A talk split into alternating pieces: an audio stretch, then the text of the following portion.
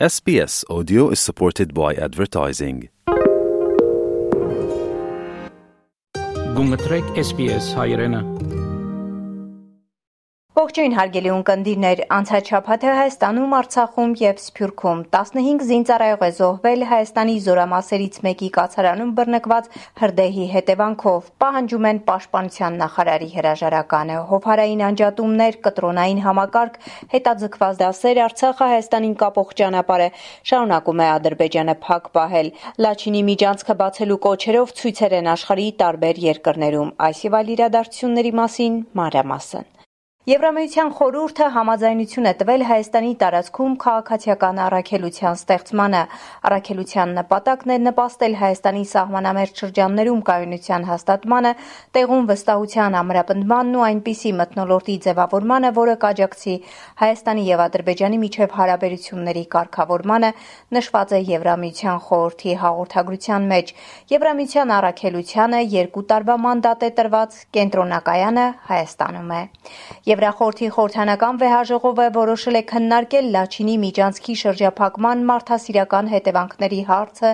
այս նստաշրջանի օրակարգում։ Ադրբեջանական կողմի առարկությունը, թե Լաչինի միջանցքը փակ չէ, չի անցել 91 կողմձայնով որոշվել է, որ հարցը պետք է քննարկել։ Հայաստանի արտաքին գործերի նախարար Արարատ Միրզոյանը մարտին կմեկնի Թուրքիա մասնակցելու Անտալիայի դիվանագիտական ֆորումին։ Ազգային ժողովում նա ենթադրել է, թերևս Թուրքիայում հանդիպում քննարկում կլինի հայ-թուրքական հարաբերությունների նոր փուլի շուրջ։ Երկու հատուկ ներկայացուցիչների հանդիպում այս այս պահին առայժմ նախատեսված չի, այսինքն պայմանավորվածություն դեռևս չկա։ Առաջիկայում կարող է երակողմ հանդիպում կազմակերպվել Հայաստանի, Վրաստանի եւ Ադրբեջանի առաջնորդների միջև արտգործնախարար Միրզոյանը հայտարարել է, որ նման միտք շրջանառվում է։ Մինչ այդ Ադրբեջանի նախագահ Ալիևը Դավոսի տնտեսական համաժողովում պնդել էր, թե Երևանը հրաժարվել է Կովկասյան երեք պետությունների մասնակցությամբ նոր ձևաչափ ստեղծելու առաջարկից։ Այս պահին հայ-ադրբեջանական խաղաղության բանակցություններն ընթանում են Միացյալ Նահանգների միջնորդությամբ,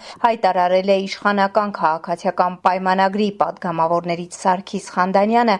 Նրա խոսքով պայմանագրի տեքստի տարբերակը ներկայացվել է Միացյալ Նահանգներում։ Հայաստանն ու Ադրբեջանը պայմանագրի շուրջ իրենց առաջարկներն են միմյանց փոխանցում այս փուլում արտգործնախարար Միրզոյանը ավելի վաղացել էր, որ վերջին անգամ Հայաստանն է առաջարկ ուղարկել, բայց արդեն 1 ամիս է Ադրբեջանից պատասխանի է սպասում։ Թյուր են այն պատկերացումները, թե հայկական կողմը դադարեցրել է կամ արգելակում է կամ ոչ կառուցողական է խաղաղության այս գործընթացում եւ մասնավորապես խաղաղության պայմանագրի տեքստի շուրջ աշխատանքների գործընթացում կրկնում եմ մենք մեր առաջարկներ ուղարկել ենք եւ ահա ադրբեջանական կողմի պատասխանը պիտի լինի, որը մինչ այս պահը չկա։ «Հայաստանի անվտանգությունն Իրանի անվտանգությունն է» սյունիքում լրագրողների հետ ճեպազրույցում վերահաստատել է Հայաստանում Իրանի Իսլամական Հանրապետության արտակարգ և լիազոր դեսպան Աբբաս Բադաշխան Զոհուրին: Նա ընդգծել է, որ Իրանն իր բոլոր հարևան երկրների հետ այնպիսի քաղաքականություն է վարում, որի նպատակն է զարգացնել համագործակցությունը բոլոր ուղղություններով: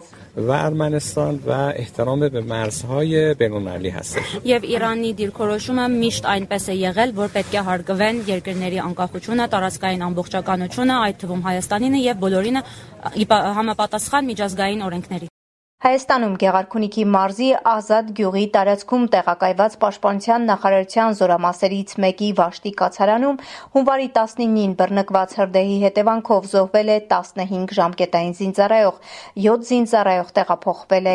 հիվանդանոց։ Դեպքից անմիջապես հետո պաշտոններից ազատվել են մի շարք բարձրաստիճան զինվորականներ։ Վարչապետ Նիկոլ Փաշինյանը կառավարության նիստում ներկայացնելով պաշտոնական վարկածը ասել է. «Սպամ բենզին է լցրել վարարանի վրա, ինչից հետո, երբ կրակն իրեն է անցել, ինքնապաշտպանական բնազդով բենզինի 5 լիտրանոց տարան նետել է կացարանի ուղությամբ, ինչն էլ հրդեհի պատճառ է դարձել։ Բողոքի ալիք է բարձրացել Պաշտպանության նախարար Սուրեն Պապիկյանը եւ ընդհանրապես իշխանությունների հրաժարականի պահանջով։ Մեր ворթիները ցավոք ուղակի դատապարտված են զոհվելու, մենք բոլորս ենք դատապարտված զոհվելու, եթե այս մարտիկ մնան։ Ազգային ժողովի նախագահ Ալեն Սիմոնյանը անդրադառնալով նախարարի պատասխանատվությանը ասել է. Պաշտպանության նախարարը որևիցե ձևով այս ամեն ինչը չի կարող կապ ունենալ, որտեղ իր գործառույթի մասով ինքը իր աշխատանքը ամբողջովին արել է եւ այդ քաղաքական սակարկումները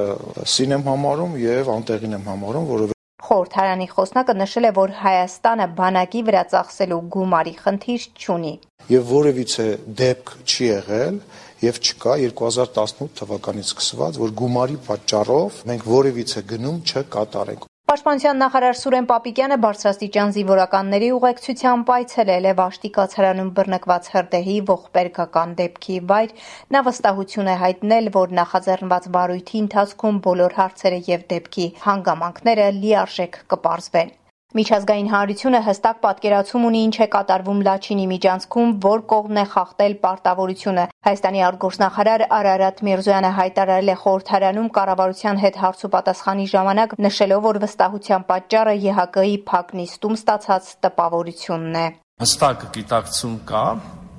եւ ոչ միայն ԵՀԿ-ում եւ Դուք դա կարող եք տեսնել նաև առանձին երկրների արտաքին գերատեսչությունների, ինչպես նաև խորհրդարանների հրաապարակային դիրքորոշումներից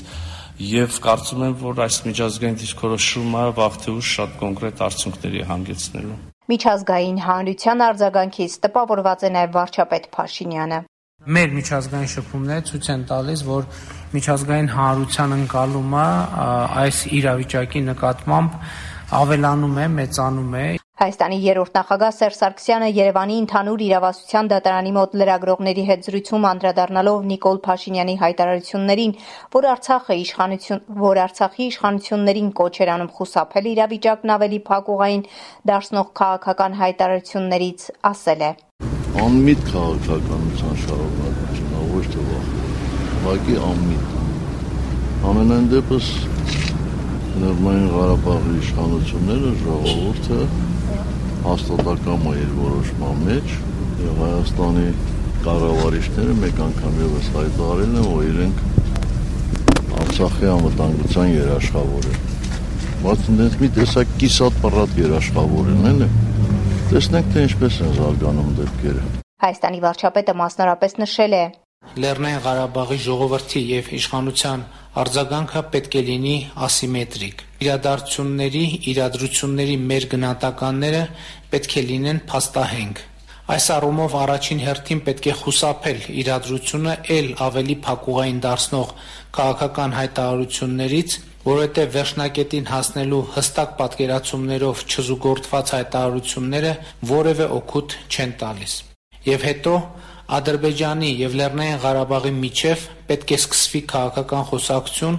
եւ Լեռնային Ղարաբաղի մեր գործընկերները պետք է հնարավորություն չտան, որ որևէ մեկը իրենց մեղադրի կառուցողական խոսակցությունը խափանելու մեջ Արցախ էներգետիկ ճգնաժամ է հասունանում Արցախում Արցախը սնուցող միակ էլեկտրագծի վթարին հաջորդել է գազի մատակարարման խափանումը Արցախում տրանսպորտը շուտով առանց վառելիք կմնա ահազանգում են Ստեփանակերտից Միջանցքի փակման հետևանքով Հայաստանում մնացած մի խումբ արցախցի երեխաներ ռուս խաղաղապահների ուղեկցությամբ օրերս հասան Ստեփանակերտ, սակայն ադրբեջանցիները Լաչինի հատվածում մտել են ավտոբուս հոգեբանական ճնշում գործադրելով երեխաների վրա միանգամից բացել են այդ լրագրողները թուրք լրագրողները մի 10-15 հոգի իրոք հա եւ գլուխները մցրել, կամերաները դրել այսպես ներսում, այդ մարմինները կեսը մցրեցին եւ կամերաները դրեցին ու նկարեցին։ Երեխաները հա իսկույն հետ գնացին, աղջիկներից մեկը այո վատացավ հոզվեց, վատացավ, այո, դե Վախեցած էինք, սպասում էինք, որ անցնենք, հետո հանկարծակի դուռը բացվեց ավտոբուսի եւ էկոակտիվիստները փորձեցին մտնել։ Արցախում վաղ առավոտից մինչև ուշ գիշեր հերթեր են սննդի խանութների մոտ։ Ցույցեր են տեղի ունենում աշխարհի տարբեր երկրներում՝ Ավստրալիայում, Ֆրանսիայում, Վրաստանում եւ այլուր։ Միացյալ Նահանգների հայ համայնքի ներկայացուցիչները Վաշինգտոնում Ադրբեջանի դեսպանատան մոտ ցույց են կազմակերպել Լաչինի միջանցքը բացելու կոչերով։ Բողոքի ցույցի մասնակիցները ողջել են պաստառներ։ Ադրբեջանը 30000 երեխայի պատանդ է պահում քայլեր ձեռնարկեք, դադարեցրեք Արցախի շրջափակումը, պատժել ցեղասպան Ադրբեջանին գրություններով։ Մենք այստեղ ենք Ադրբեջանի դեսպանատան դիմաց բողոքելու ադրբեջանական բռնապետական ռեժիմի դեմ։ Նրանք փակել են Լաչին Միրջանցքը, միակ ճանապարհը, որ միացնում է Արցախը Հանրապետության Հայաստանին։ Մենք բողոքի ակցիային կազմակերպելու Սպիտակ տան դիմաց պահանջելու, որ Ամերիկան ճնշում գործադրի Ադրբեջանի վրա վերցնելու Արցախի շրջափակումը, շտապ օգնությունը վարկել Արցախին եւ դադարեցնել բոլոր ռազմական օգնությունը Ադրբեջանին։ Հայ համայնքի ներկայացուցիչները ցույց են անցկացրել նաև Սպիտակ տան մոտ։ Անցնող շաբաթը Հայաստանում, Արցախում եւ Սփյուռքում էսբեսի համար ամփոփեց Գիտայլ Բեկյանը։ Կուզես լսել նման բանություններ, կընտրե Apple Podcast-ի, Google Podcast-ի, Spotify-ի վրա, կամ որտեղեն որ podcast-ը դուք լսես։